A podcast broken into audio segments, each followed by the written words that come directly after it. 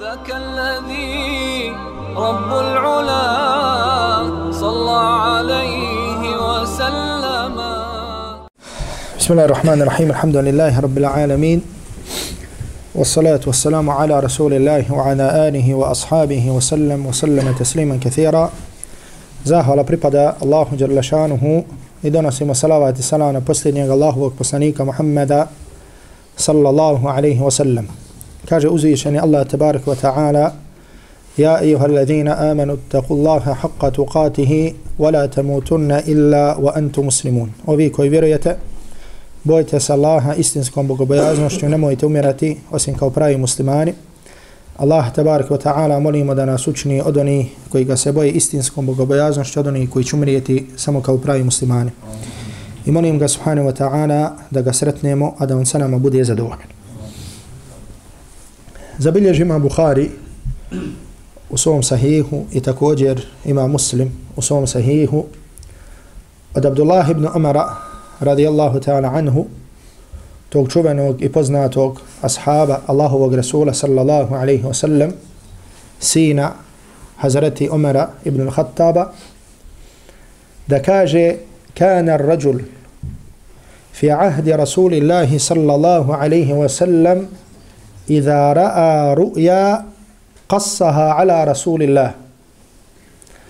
Kaže, u vremenu Allahovog poslanika sallallahu alaihi wa sallam, Čovjek, kada bi vidio neki san, kada bi nešto usnio, to bi ispričao Allahovom poslaniku sallallahu alaihi wasallam. Misli se, ispričao bi mu to javno, pred drugim ljudima kaže fetemennejtu an ara ru'ya fa aqussaha ala rasulillah pa sam kaže ja poželio da usnijem neki san i da taj san ispričam Allahovom poslaniku sallallahu alaihi wasallam. I učenjaci iz ovog izvlače i kažu da se iz ovog da razumijeti da je pohvalno da čovjek, iako kod sebe nema neku osobinu od lijepih osobina, da treba da preželjkuje i teži ka tome da se kod njega nađe ta osobina. Pa kaže, wa kuntu šaban, wa kuntu anamu fil masjid. I kaže, bio sam mladić i spavao sam u mesjidu. Znači, toliko je volio mesjid da je u mesjidu spavao. Kaže, faraeitu fil manam. Pa sam, kaže, usnio sam. Pa kaže Abdullah ibn Omar, فَرَأَيْتُ fil الْمَنَامِ كَأَنَّ anna أَخَذَانِ وَذَهَبَا wa إِلَى bi ila nar. Kaže, usnio sam kao da su došla dva meleka. I kaže da su me odvela ka vatri. Da su me odveli ka džahannamskoj vatri. Kaže, fa idha hija matuijetun ka tajil bir. Kaže, kad ona, to jeste opisuje vatru, kaže, poput bunara. Znači, isto ko što je bunar okruglog, okruglog oblika, taj dio vatre ili taj dio džahannama kojeg je vidio, bio na takav, bio je takvog oblika. I ovo je, samo da kažem u skladu sa ajetima i drugim opisima džahannama gdje se kaže da čovjek, Allah nas sačuvao od vatre, da kada bude u vatri, da će biti u vatri sa svih strana. Da će vatra biti ispred i iza i iznad i ispod i sa desne i sa lijeve strane i odjeć od vatre i pokrivač od vatre i vatra prži lice i tako dalje. Fa idha hiya matwiyatun ka ta'il bir. I kaže ona je šta? Kaže poput bunara. Kaže wa fiha unasun qad araftuhum.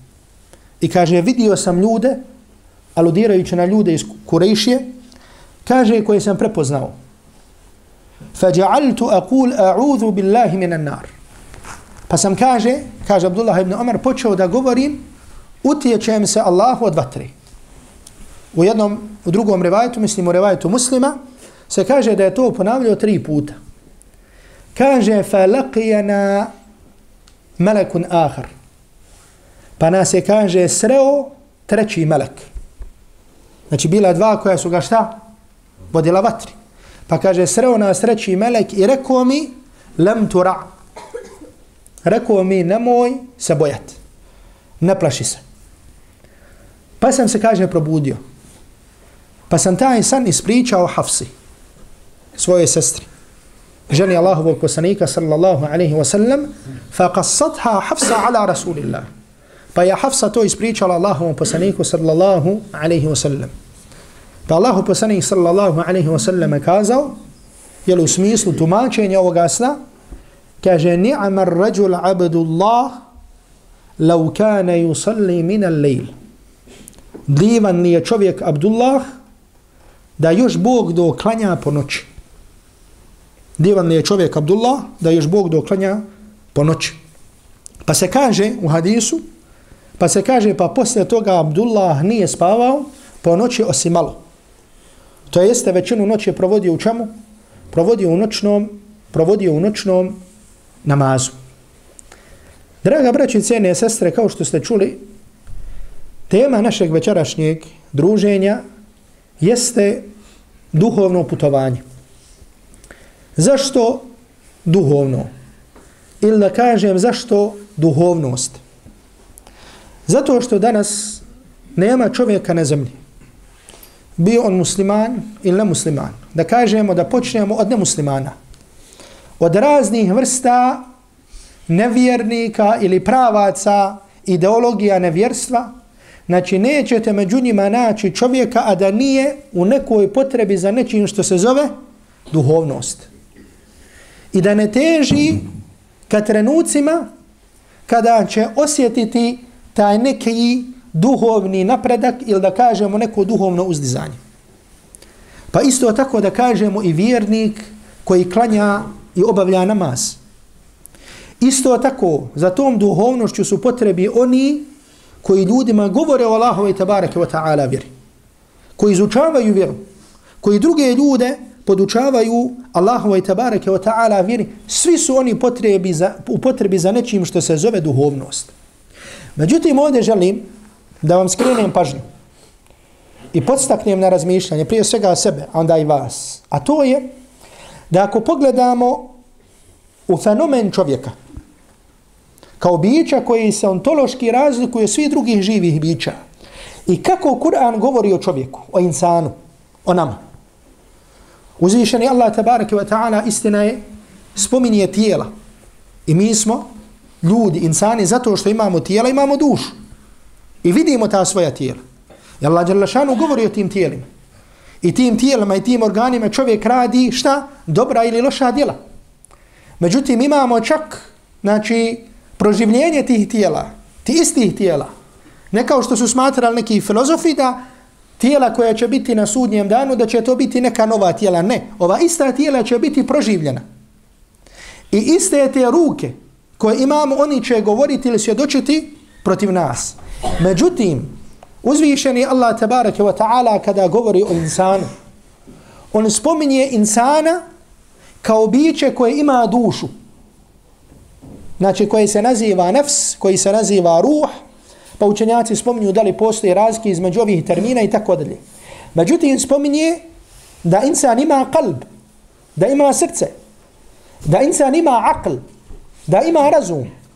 Znači, nije samo tijelo to od čega se sastoji insan. Ili da kažemo što je glavna komponenta čovjeka, znači nije tijelo. I zato, na primjer, vidite, čovjek otkinu ruku, jednu otkinu, drugu otkinu, dvije noge, čovjek je dalje živi. Zašto? Zato što imate duše u njemu. Međutim, čak šta više, ako pogledamo, Allahu i robovi, ako razmislimo o kuranskom tekstu, vidjet ćemo da uzvišeni Allah tabaraka wa ta'ala uspjeh vezuje ili da kažem uslovljava sa čišćenjem ili čistotom čovjekove duše, a ne čovjekovog tijela. I zato kaže uzvišeni Allah tabarak wa ta'ala u ajetu, a ovi su ajeti vama i takako poznati. Ali bi želio da razmislimo malo o njima. Mislim, možda sam ovdje, možda na drugim predavanjima, ako ste slušali, često imamo priliku da govorim o nekim stvarima koje se često pojavljuju, pojavljuju u Kur'anu. Od toga je zakletva. Znači, dosta kuranskih sura počinje kako se zakletva. Vela asr, wa šemsi, wa duhaha, wa qamari, wa lejli, wa duha. Znači, počinje zakletvama. Zašto? Allah tabareke wa ta'ala se kune sa svojim stvorenjima.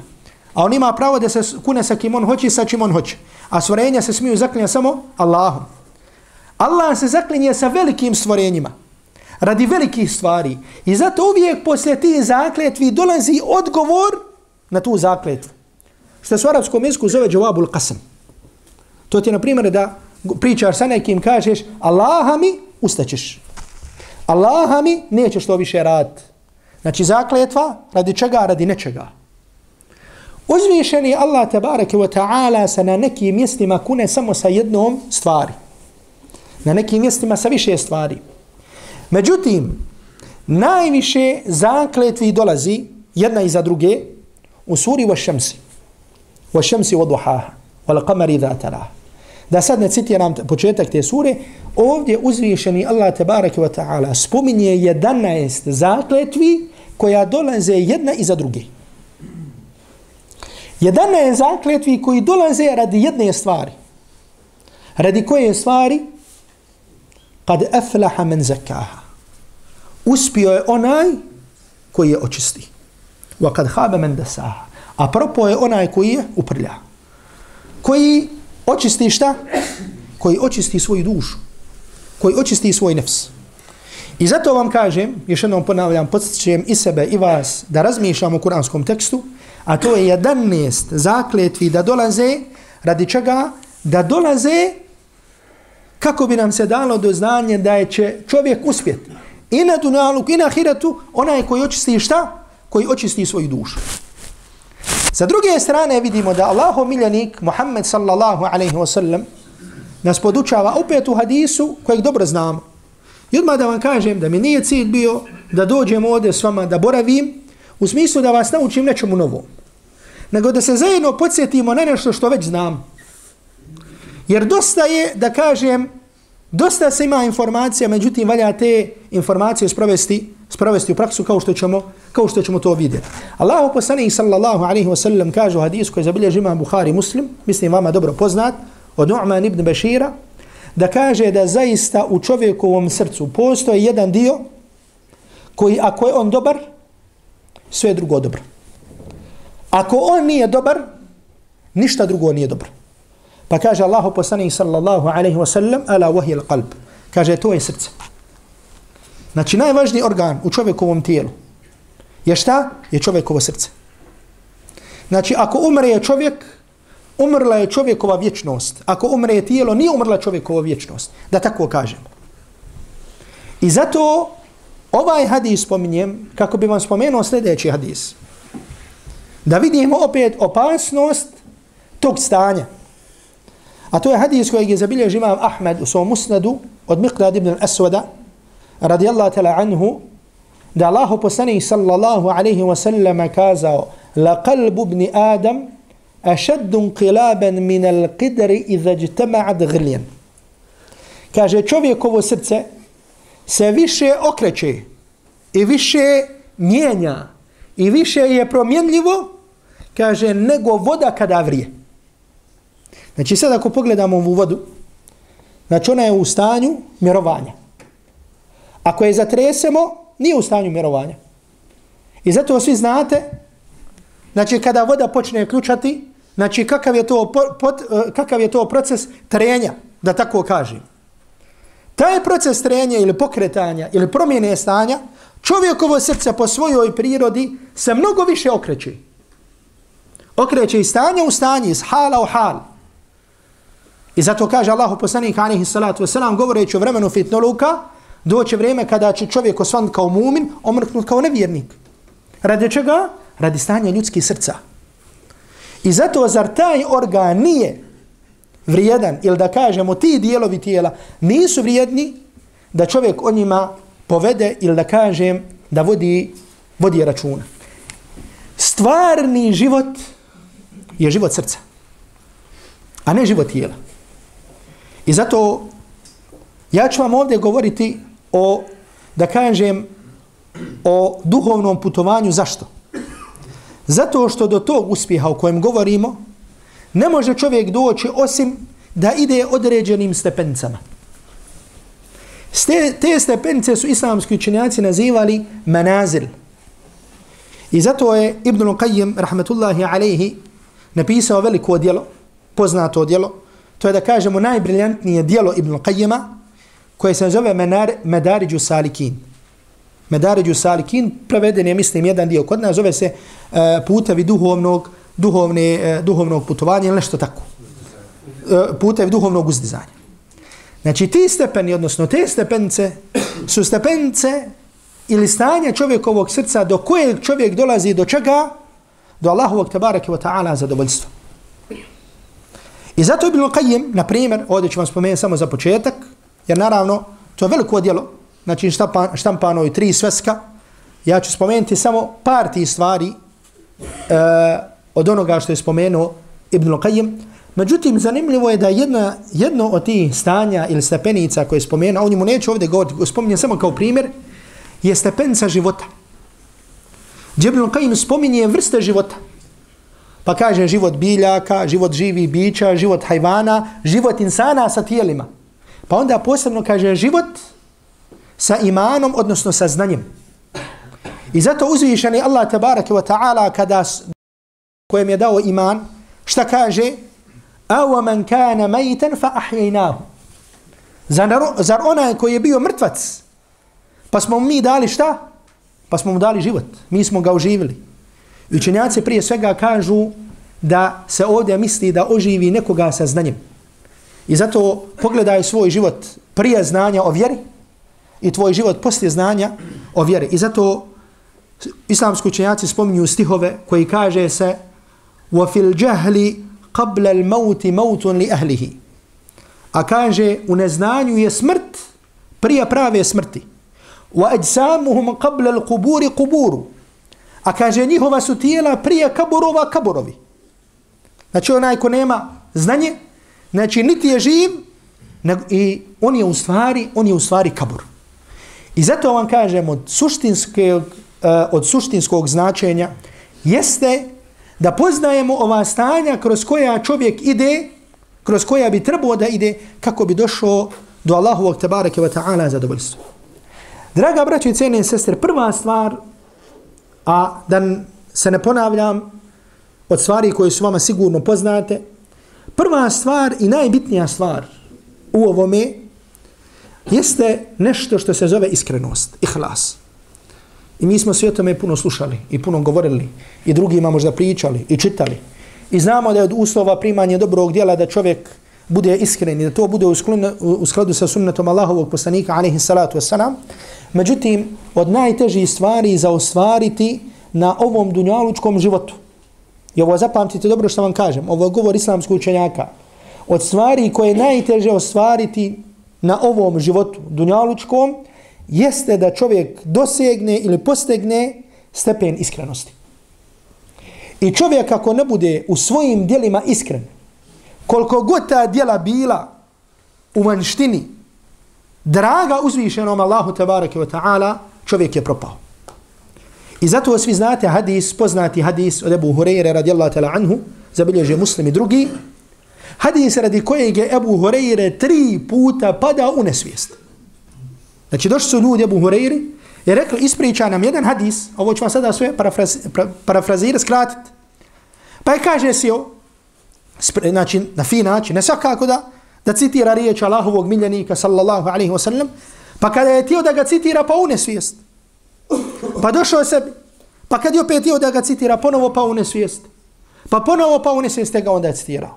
I to je duži hadis gdje se kaže da će uzvišeni Allah tabaraki wa ta'ala se spustiti na sunjem danu da presudi ljudima i kaže prvo ko će biti prozvan i pozvan je ko? Hafiz Kur'ana, onaj koji je poznavao Kur'an. Pa će on biti rečeno, jesam te podučio, jesam radio po njemu, pa će reći jesam, pa će on biti rečeno lažeš. učio si da ljudi kažu uči i rečeno je. Pa će biti prozvan muđahid, pa će mu biti rečeno sli, e, reč slično, pa će biti prozvan onaj koji je bio bogat, koji je djeljivo na Allahovom putu, pa će svima njima biti rečeno lažete.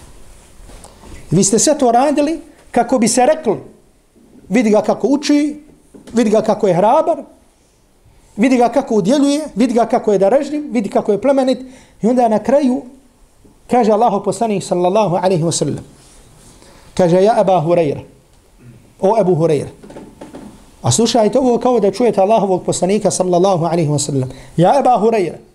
o Ebu Hurajra. inna haula i thalath. Kaže, zaista ova trojica su prva Allahova stvorenja sa kojima će Allah potpaliti džahannamsku vatru.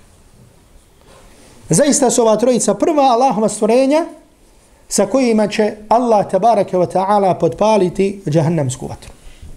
I zato da li kod nas ima ikakav muhur ili pečat jedno dijelo koje smo učinili, da smo ga učinili radi Allaha tabaraka wa ta'ala. I zato od stvari koje pomažu da čovjek ovo ostvari jeste da čita biografije prvi i prijašnjih učenjaka i prvih generacija.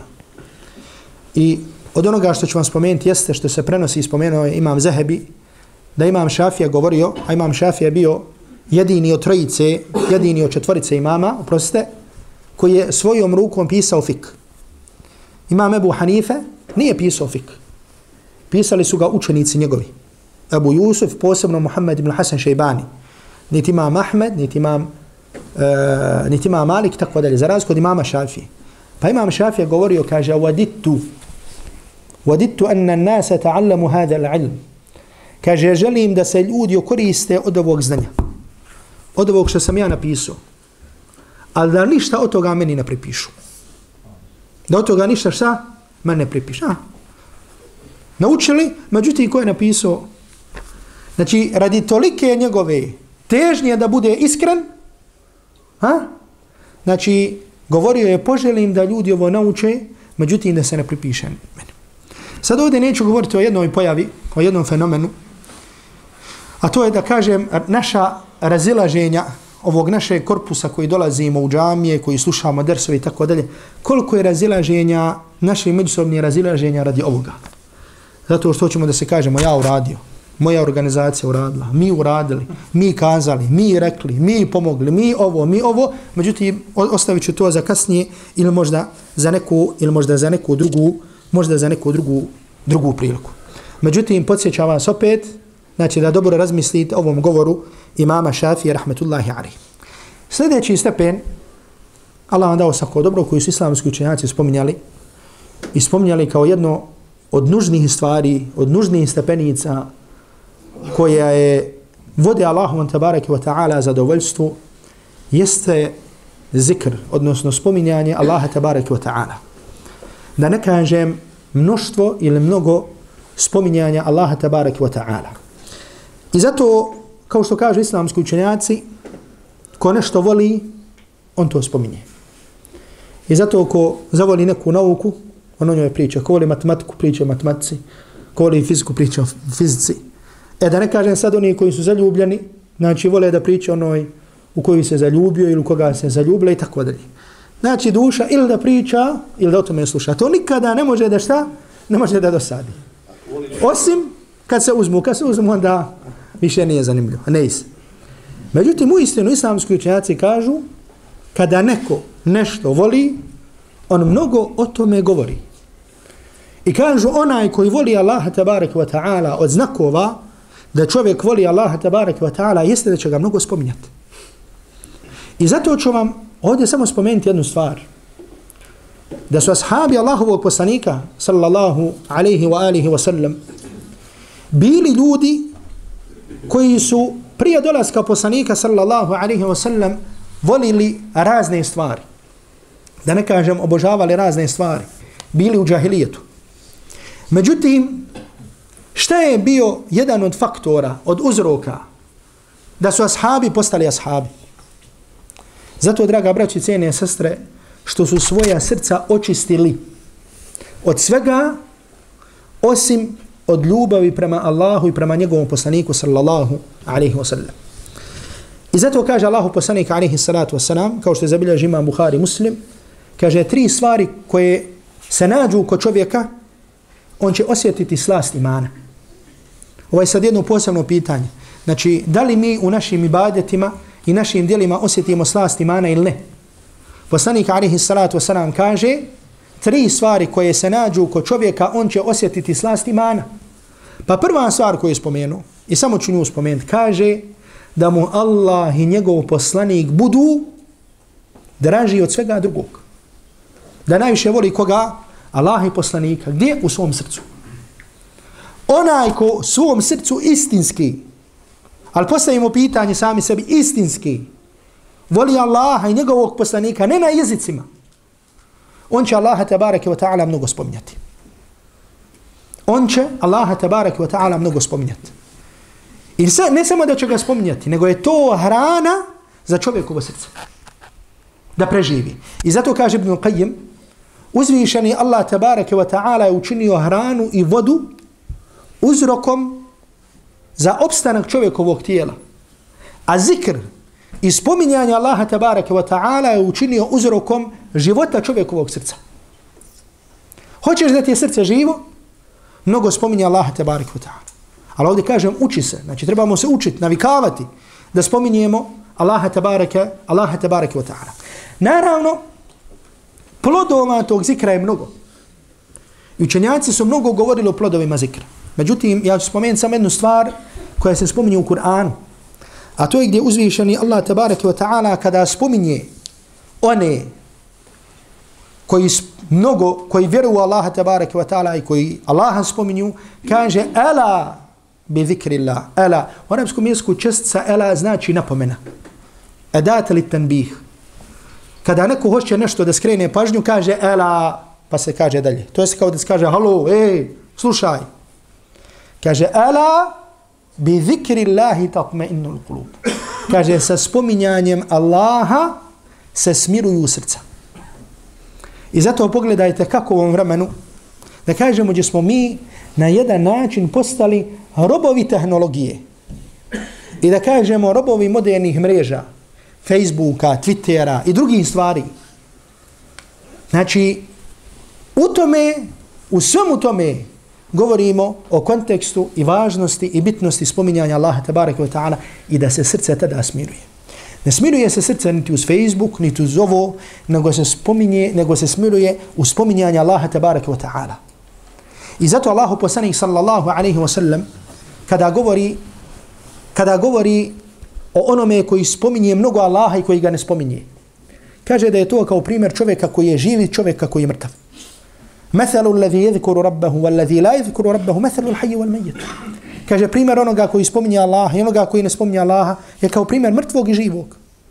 Znači, hoćeš da oživiš dodatno. Da te srce još bude življe. Da još imaš, da se pojača ili da se više luči, da tako kažem, hormon sreće, više spominje Allaha, tabaraka wa ta'ala.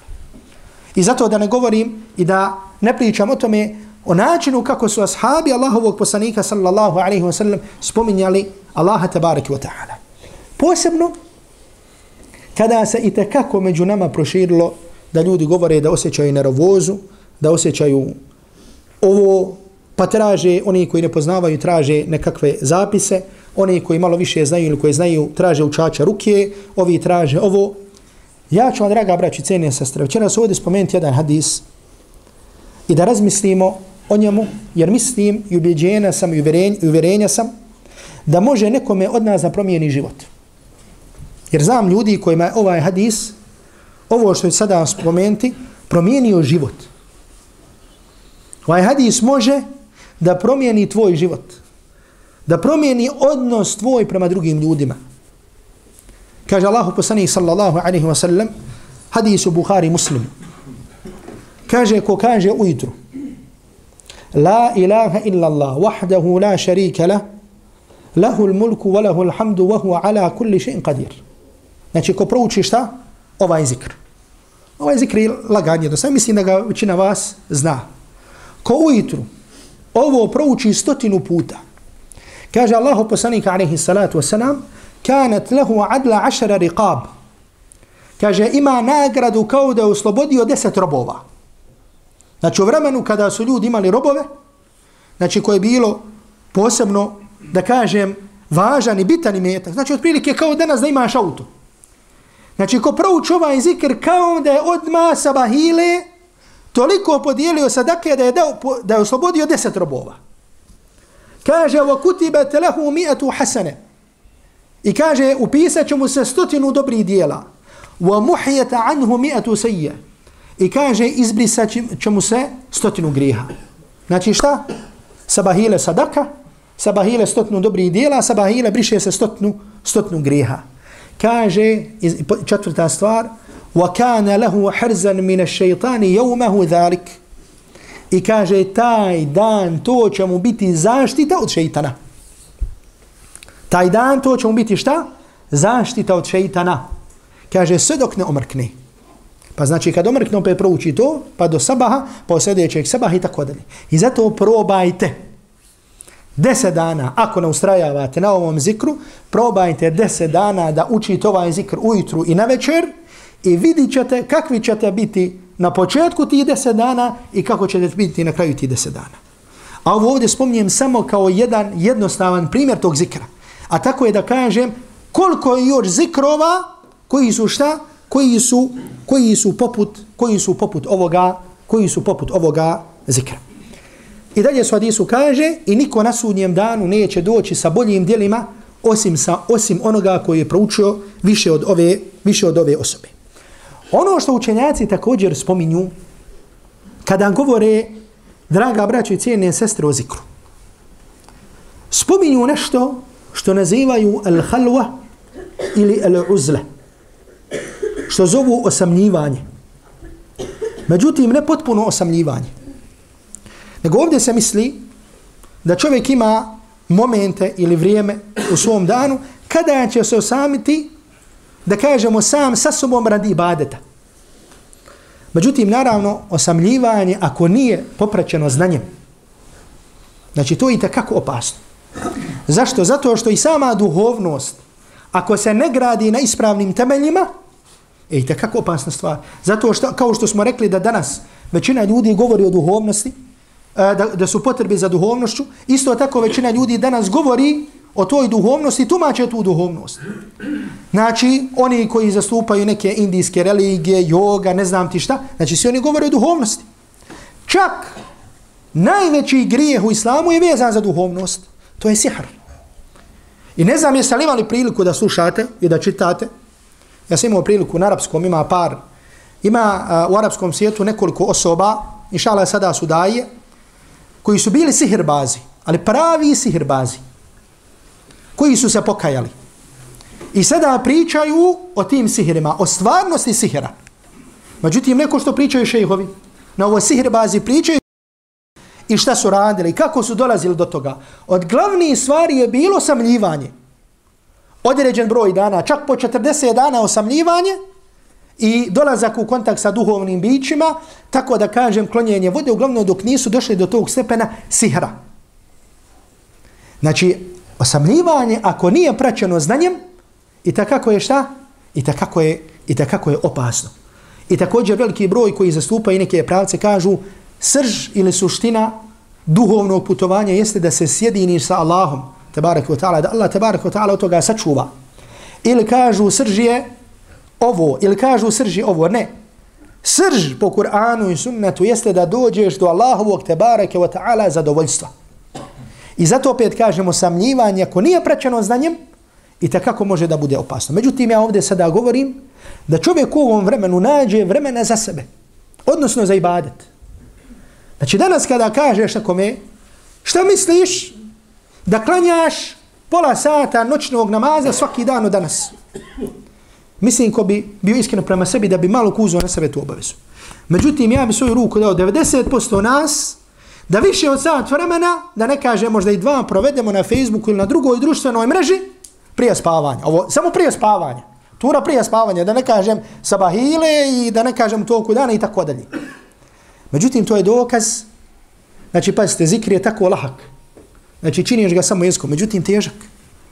Čovjek je nekom je lakše kopati nego spominjati Allaha tabaraka wa ta'ala. Zašto? Zato što je pitanje čistote duše, čistote čega? Čistote, čistote srca. I zato čovjek treba da ima, rezime, ono što želim da vam kažem, draga braći, cijenije sestre, čovjek mora u svom danu da ima momente kada se osamljiva sa sobom. I kada to vrijeme ispuni ibadetom, kada ispuni zikrom, kada ispuni jutarnjim zikrom, večernjim zikrom, učenjem Kur'ana, razmišljanjem o svom stanju i tako dalje. To je ono Na što misle islamski učenjaci kada govore o halvetu, o osamljivanju. I zato, na primjer, ako se vratimo na govor Selefa, vidjet ćemo koliko su govorili o važnosti ovog osamljivanja. Kaže imam Ahmed, kaže želim stvar, kaže želim mjesto. Ono što istinski želim. Pitali imam Ahmeda, šta želiš? Mada te štahi? Čemu žudiš? Kaže, žudi mjesto gdje nema nikoga. Žudi mjesto šta? Gdje nema nikoga. Kaže imam Ahmed također, وَرَأَيْتُ الْحَلْوَةَ أَرْوَحْ لِقَلْبِي I kaže, vidio sam da je u osamljivanju smira za moje srce. Imam Ibn Qayyim, kada spominje deset stvari koji su uzrok da te Allah voli, kaže da se osamiš sa njim u vremenu Allahovog tebarake wa ta'ala spuštanja, Misli se u zadnjoj trećini.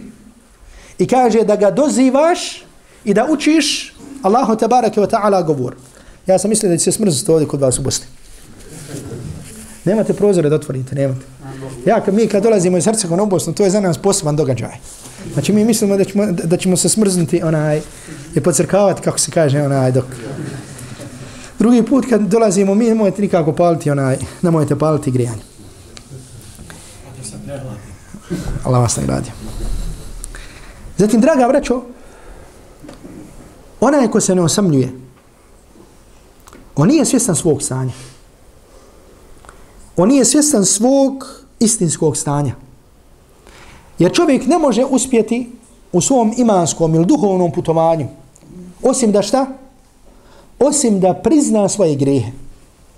Osim da šta prizna svoje grehe. I zato u mnogim stvarima, pazite, vi imate dođe vam vajz, priča, vazi, on misli da treba jednu stvar da vam priča, a vama možda potrebno nešto sasvim drugo. Ja sad ovdje dođem, spremam neko predavanje, dođem, razmašem se da vi nešto razumijete, međutim možda to vama skroz, da kažem, nepotrebno. Potrebna vam sasvim druga stvar. I zato je čovjek sam sebi najbolji vajz. Čovjek je sam sebi najbolji vaiz. I zato se prenosi, na primjer, da, je, da su ashabi govorili kefa bil mauti wa'izan. Smrt je dovoljan opominjač. A večera se imam, da ga Allah nagradi, ko nam je klanio jaciju na lijepom učenju, proučio ajed balil insanu ala nafsihi basira, walau alqa ma'azira. Kaže, čovjek je sam protiv sebe najbolji dokaz, iako dolazi sa opravdanjima. Dođe ti neko i kaže ti boj se Allaha, ti si ovaki učinio si ovo, ti znaš u svojoj duši kakav si. Poslije Allaha te barake wa ta'ala, tvoje stanje, tvoje imansko stanje, tvoj tajni život, tvoj javni život ne poznaje niko kao što, kao što poznaješ ti. I zato što je došlo u jednoj dovi, u onome što se zove sejidul istighfar, što nas je poslanik pod, podučio da učimo ujutru i na večer, i gdje se kaže koga prouči ujutru, a umre prije nego što mrkne ući će u džennet. Koga prouči na večer, pa umre prije nego što dođe sabah ući će u džennet. A to je kada, uh, onaj poznati e, zikri, sejidul istighfar, gdje se kaže ebu leke bi ni'metika alaije wa ebu bi zambi. Kaže, priznajem ti svoje blagodati prema meni i priznajem ti svoj grijeh.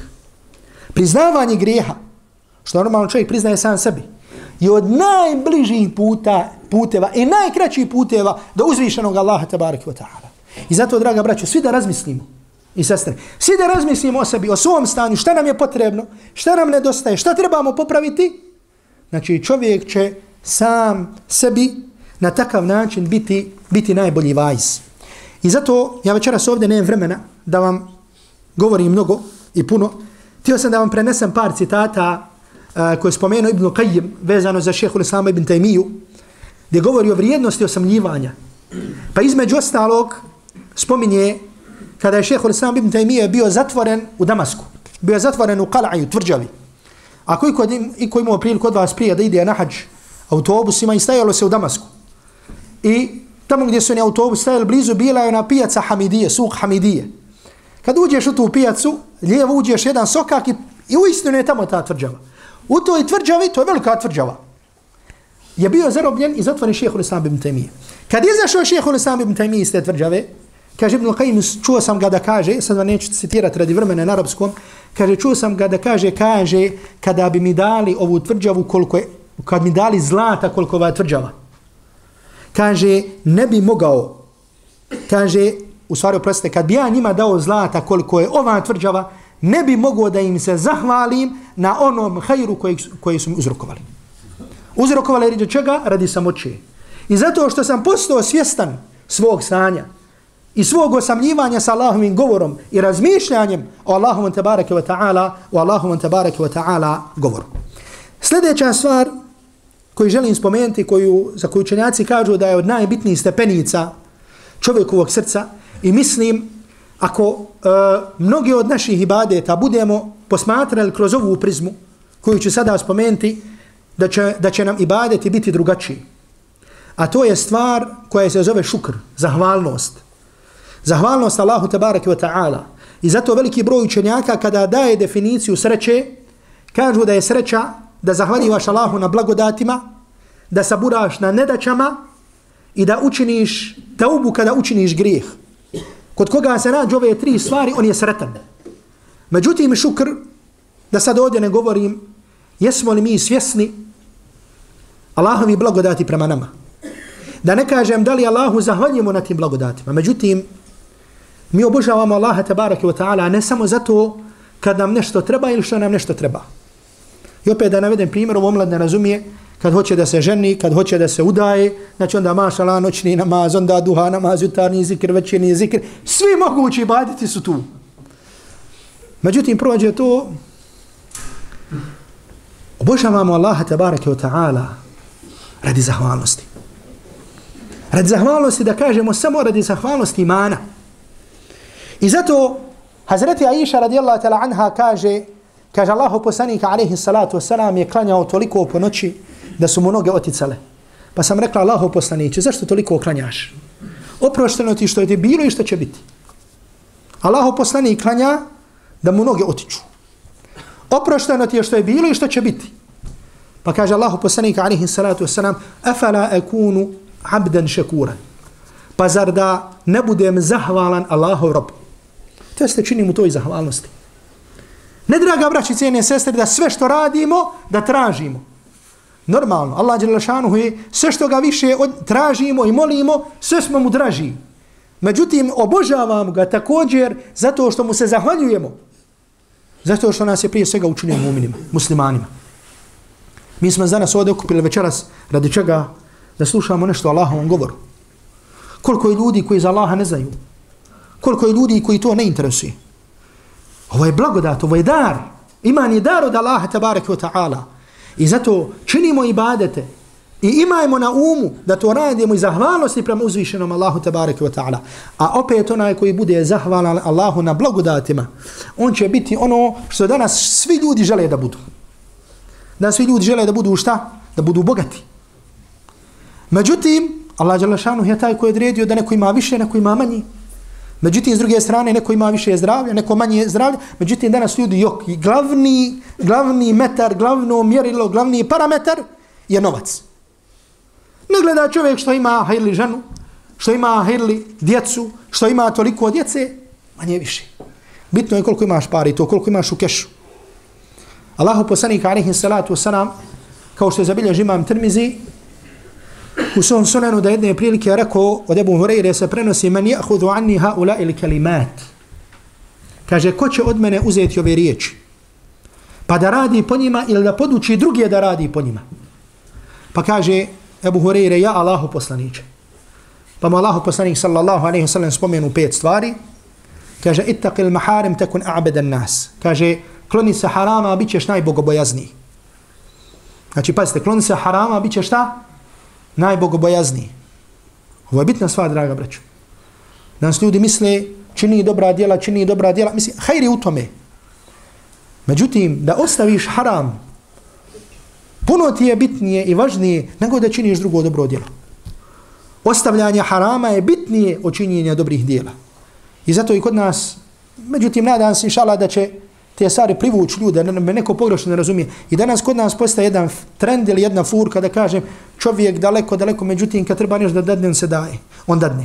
Misli u novcima da može da se iskupi od vatre, da se iskupi od ovog, iskupi od ovoga. I šala da Allah Đelešan uputi ljude da tog njihovog činjenja dobri djela. Međutim, Allah i robovi osnova je da se kloniš, da se kloniš harama. I kaže druga stvar, kaže Allahu Resul sallallahu alaihi wa sallam, kaže warda bima qasama Allahu leke tekun agna nas. I kaže budi zadovoljan s onim što ti Allah dadne, bit ćeš, bit ćeš najbogatiji čovjek. Budi zadovoljan s onim što ti Allah dželašanuhu dadne, bit ćeš najbogatiji čovjek. Zato što je priroda čovjeka takva da ima ne znam ti šta, poželio bi još više. I zato kaže Allahu poslanika alaihi salatu wasalam, hadisi sahih, lau kana libni Adam wadijan, lebtaga thalitha. Da sin Adamov ima dvije doline, poželio bi treću. Da ne znam, imaš ti koliko šta, poželio bi još da imaš.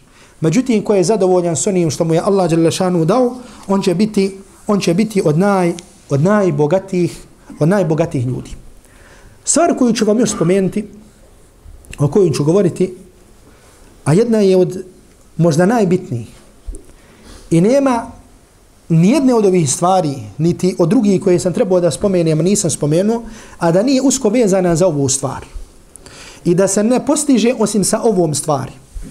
A to je, draga braći, cijenije sestre, nešto što je opet nama poznato, ali i tekako teško, nešto što se zove sabur.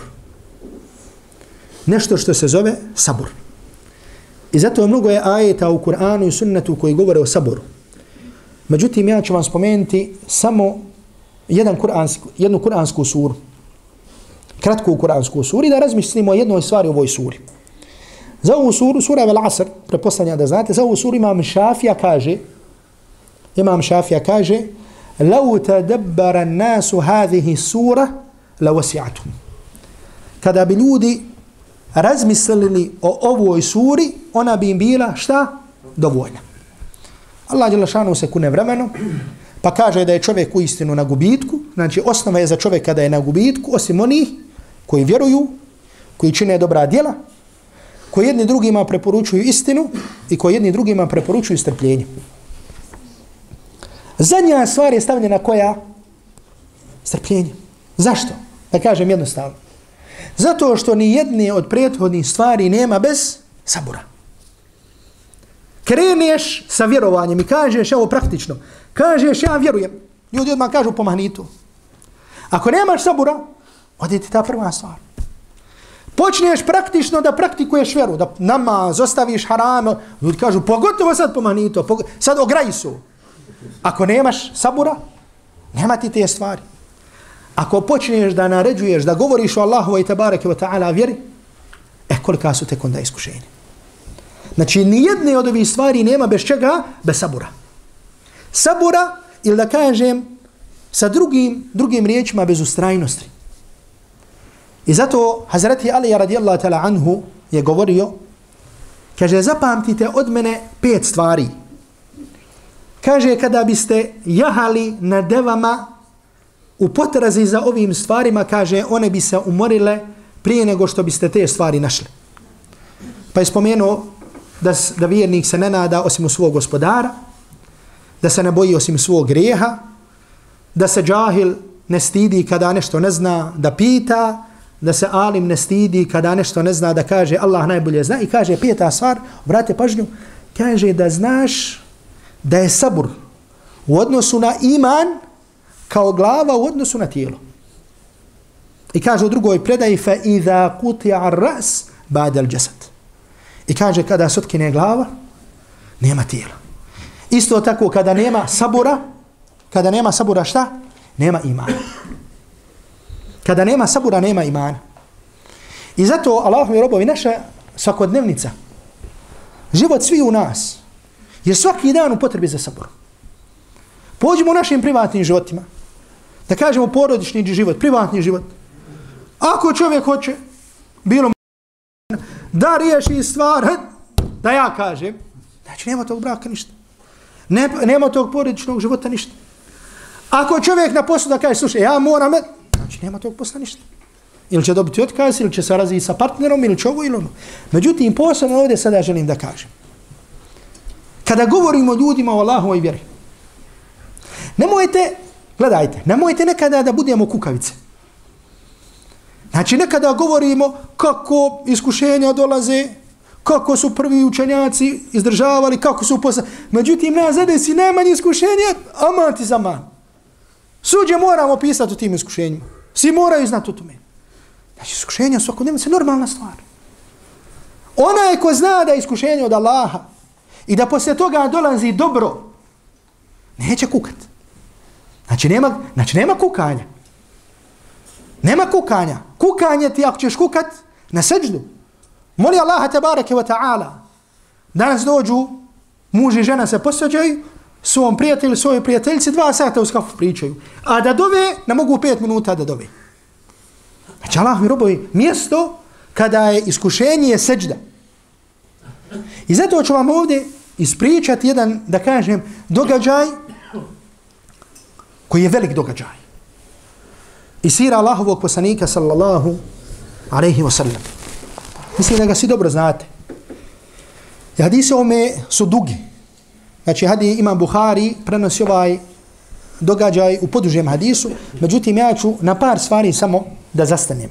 Naime radi se ovdje o potvari na Hazreti Aishu radijallahu ta'ala anha. Jer danas imate one koji su se pojavili na našim prostorima, koji govore ružno o ashabima Allahovog poslanika sallallahu alaihi wa sallam. Znači, e, šire se ili djeluju pravci koji govore ružno o ashabima Allahovog poslanika sallallahu alaihi wa sallam. I učenje ovih prostora, ahli sunnatsko, da kažem, koliko se god razilazili u nekim stvarima, svi su bili složni oko ljubavi prema ahli bejtu i prema ashabima Allahovog poslanika sallallahu alaihi, alaihi wa sallam. Ovaj slučaj potvorena Hazreti Aisha radijallahu ta'ala anha, znate da Allah poslanik alaihi salatu wasalam jedne prilike izašao u jedan pohod i sa njim je krenula njegova žena Aisha radijallahu ta'ala anha, kada su sjeli da odmore i kada su krenuli, Hazreti Aisha radijallahu ta'ala anha je ostala. I desilo, desilo se da je ostao, bio taka, također na drugom mjestu još jedan drugi ashab koji se zove Safan ibn Mu'attal. Aisha radijallahu ta'ala anha je bila zaspala, probudila se, Safan ibn Mu'attal je vidio, Safan ibn Mu'attal krenuo i ona krenula za njim. Znači, niti su razgovarali, niti su pričali. Uglavnom, kada su se tako pojavili, munafici na čelu sa Abdullahom ibn Ubejom ibn Salulom su proširili priču da Aisha radijallahu ta'ala anha počinila blud. I ovo je bilo, obratite pažnju, mi nekad čitamo nešto iz istorije, ono kada je to, pazite, znači zamislite da ovdje sada kuća Allahovog poslanika sallallahu alaihi wa sallam biva optužena za nemoral. I to je bila tolika smutnja da su čak neki ashabi progovorili o tome. To jeste da su bili bičovani radi kazne za potvoru. I taj događaj je trajao mjesec dana. Trajao mjesec dana da su munafici širili tu priču da Aisha radijallahu ta'ala anha počinila blud sa Safan ibn Mu'attalom. Tolika je bila smutnja, da kažem, i fitna. I zamislite sada ovo, ovo je kuća Allahovog poslanika sallallahu alaihi wa sallam. Zamislite, ne do Allah da se desi takvo iskušenje u kući nekoga od nas. Dotle je da je došao Allahu poslanik sallallahu alaihi wa sallam i obratio se Aisha. I kazao, ja Aisha, kad belagani anki ma belagani. Došlo mi je, do mene je došlo što je došlo. Kaže, ako si pomislila da počiniš grijeh, fastagfiri wa tubi ilihi. Kaže, zat učini stikfar i pokaj se Allahu. Jer kaže rob kada prizna grijeh i kada se pokaje, Allah u njemu prašta. Ovako se šta? Obratio Allahu poslanik sallallahu alaihi wa sallam Aisha radijallahu ta'ala anha. Kaže Aisha radijallahu ta'ala anha i pogledajte sada ovdje edeb kako se žena obraća mužu. U tom momentu kaže Aisha falamma qada Rasulullahi maqalatahu. Kada Allahu poslanik sallallahu alaihi wa sallam završio svoj govor. Kaže qala sadam'i hatta ma ahissu qatratan. Kaže, tako su počele suze da idu niz moje lice, da ja uopšte nisam ni jednu kap posjetila. Znači, ponekad čovjek počne da plaće, suze idu, čovjek ne osjeti da plaće, ali suze same idu, što mi kažemo. I u toj tegobi, kad je to govori Allahu poslanika, alaihi salatu wasalam, Obraća se svom ocu, Ebu Bekru. I kaže, eđiba hanni Rasul Allah. Odgovori umjesto mene Allahovom poslaniku. Hoće, reci ti nešto Allahovom poslaniku umjesto mene. Pa Ebu Bekr radijallahu ta'ala anhu kaže, Wallahi, ma adri ma da akuli Rasulillah. Kaže, tako mi Allah, ja ne znam što da kažem Allahovom poslaniku. Pa sam se, kaže, okrenula prema svojoj majici i rekla, kaže, o majku, odgovori za mene Allahovom poslaniku. Kaže, majka, tako mi Allah, ja ne znam što da kažem Allahovom poslaniku, sallallahu alaihi wa sallam. Pa kaže, Aisha radijallahu ta'ala anha, kaže, tako mi Allah, ja sam nevina. Ako bi vam rekla da sam, da nisam to počinila, da sam nevina, vi mi kaže, ne biste vjerovali. Ako bi vam rekla da sam počinila, vi biste mi kaže vjerovali. I kaže, ne vidim primjer mene i vas, osim kao Jusufovog oca. To jeste Jakuba koji je rekao, fa sabrun džamil. Pa lijepi sabrun. Ne sakakav sabor, nego lijepi šta? Lijepi sabor. Pa kaže Aisha radijallahu ta'ala anha, kaže, thumma tahawaltu ala firaši wa na arđu an yubarri Allah. Kaže, zatim sam se, kaže, samo okrenula na svoju postelju. Znači, nema težeg momenta od momenta kada čovjek je optužen za nešto nepravedno, a nema snage ili argumenta da se brani. Kaže, samo sam se okrenula na postelji. Wa arđu i nadam se, to je nada u Allaha. To je ono što ima samo vjernik. I kaže, nadam se od Allaha da će me proglasiti ili da kažem učiniti nevinom. Ali kaže, tako mi Allaha, kaže, nisam se nadala da će biti objavljeni ajeti pogledu mene. Jer sam ja, kaže, tako mi Allaha, bezvrednija da se objave ajeti koji govore o meni. Nego sam mislila da će Allah poslanik sallallahu alaihi wa sallam usniti nešto što će ukazati na moju nevinost. Pa je Allah objavio deset ajeta iz sure Nur koji počinju inna allazina ja'u bil ifki usbetu minkum. Oni koji su došli sa potvorom, to je skupina od vas. I Allah jalla šanuhu kaže La tahsabuhu šarra lakum. Od prvih dijelova ovoga ajeta kaže Allah jalla šanuhu La tahsabuhu šarra lakum bel huwa khairu lakum. Nemojte misliti da je to zlo za vas. To je hajr za vas. Subhanallah, ova stvar, ovo iskušenje da bude hajr za čovjeka, Tako mi Allah jest. Znači svako iskušenje, ako se čovjek postavi prema njemu kako treba, znači to iskušenje za njega hajr. I ne može da bude šar. I zato vjernik zna šta? Znači sve što ga zadesi, da je to od Allaha. I zna svako iskušenje da, zas, da za sobom nosi mudrost. I zato koliko je stvari gdje smo bili iskušavani i teški, prolazi teške živote svog života. Do, sva šta ti padalo ono na pamet. Sad kad se sjediš toga, možda se smiješ. I kažeš, joj, kakav sam bio. Znači, svako iskušenje nosi u sebi, draga braći i cijene sestre, veliki hajr. Rečeno mi je 15 do 8 da moram završiti, mogu još 2-3 minute. Ako bude neki ide na moj račun. Zadnja i posljednja stvar za koju Ibn Qayyim kaže da je duša imana. I da je srž imana. I kaže sve što sam spomenuo od početka do kraja ove knjige je u stvari ovo. A to je, draga braći i cijene sestre, nešto što se zove ihsan. Nešto što se zove šta? Ihsan. Šta je ihsan? Da obožavaš Allaha kao da ga vidiš, jer ako ti njega ne vidiš, on tebe vidi. I zato hoću, prije što kažem nešto o ihsanu, postaviti jedno pitanje, da postavimo sami sebi. Zašto često puta se žalimo da ne osjetimo slast imana? Zašto teško puta kažemo težak nam ibadet? Čuju da klanjam pola sata noćnog namaza. Zato što nismo svjesni Allahove prisutnosti. Allahov poslanik nas podučava da sve što radimo, da radimo tako kao da Allaha vidimo. Jer ako mi Allaha ne vidimo, nas vidi. Kada klanjaš, klanjaj kao da te Allah vidi. Znaj da te Allah vidi. Kada daješ sadaku, dijeli sadaku da te Allah vidi. kao da te Allah vidi.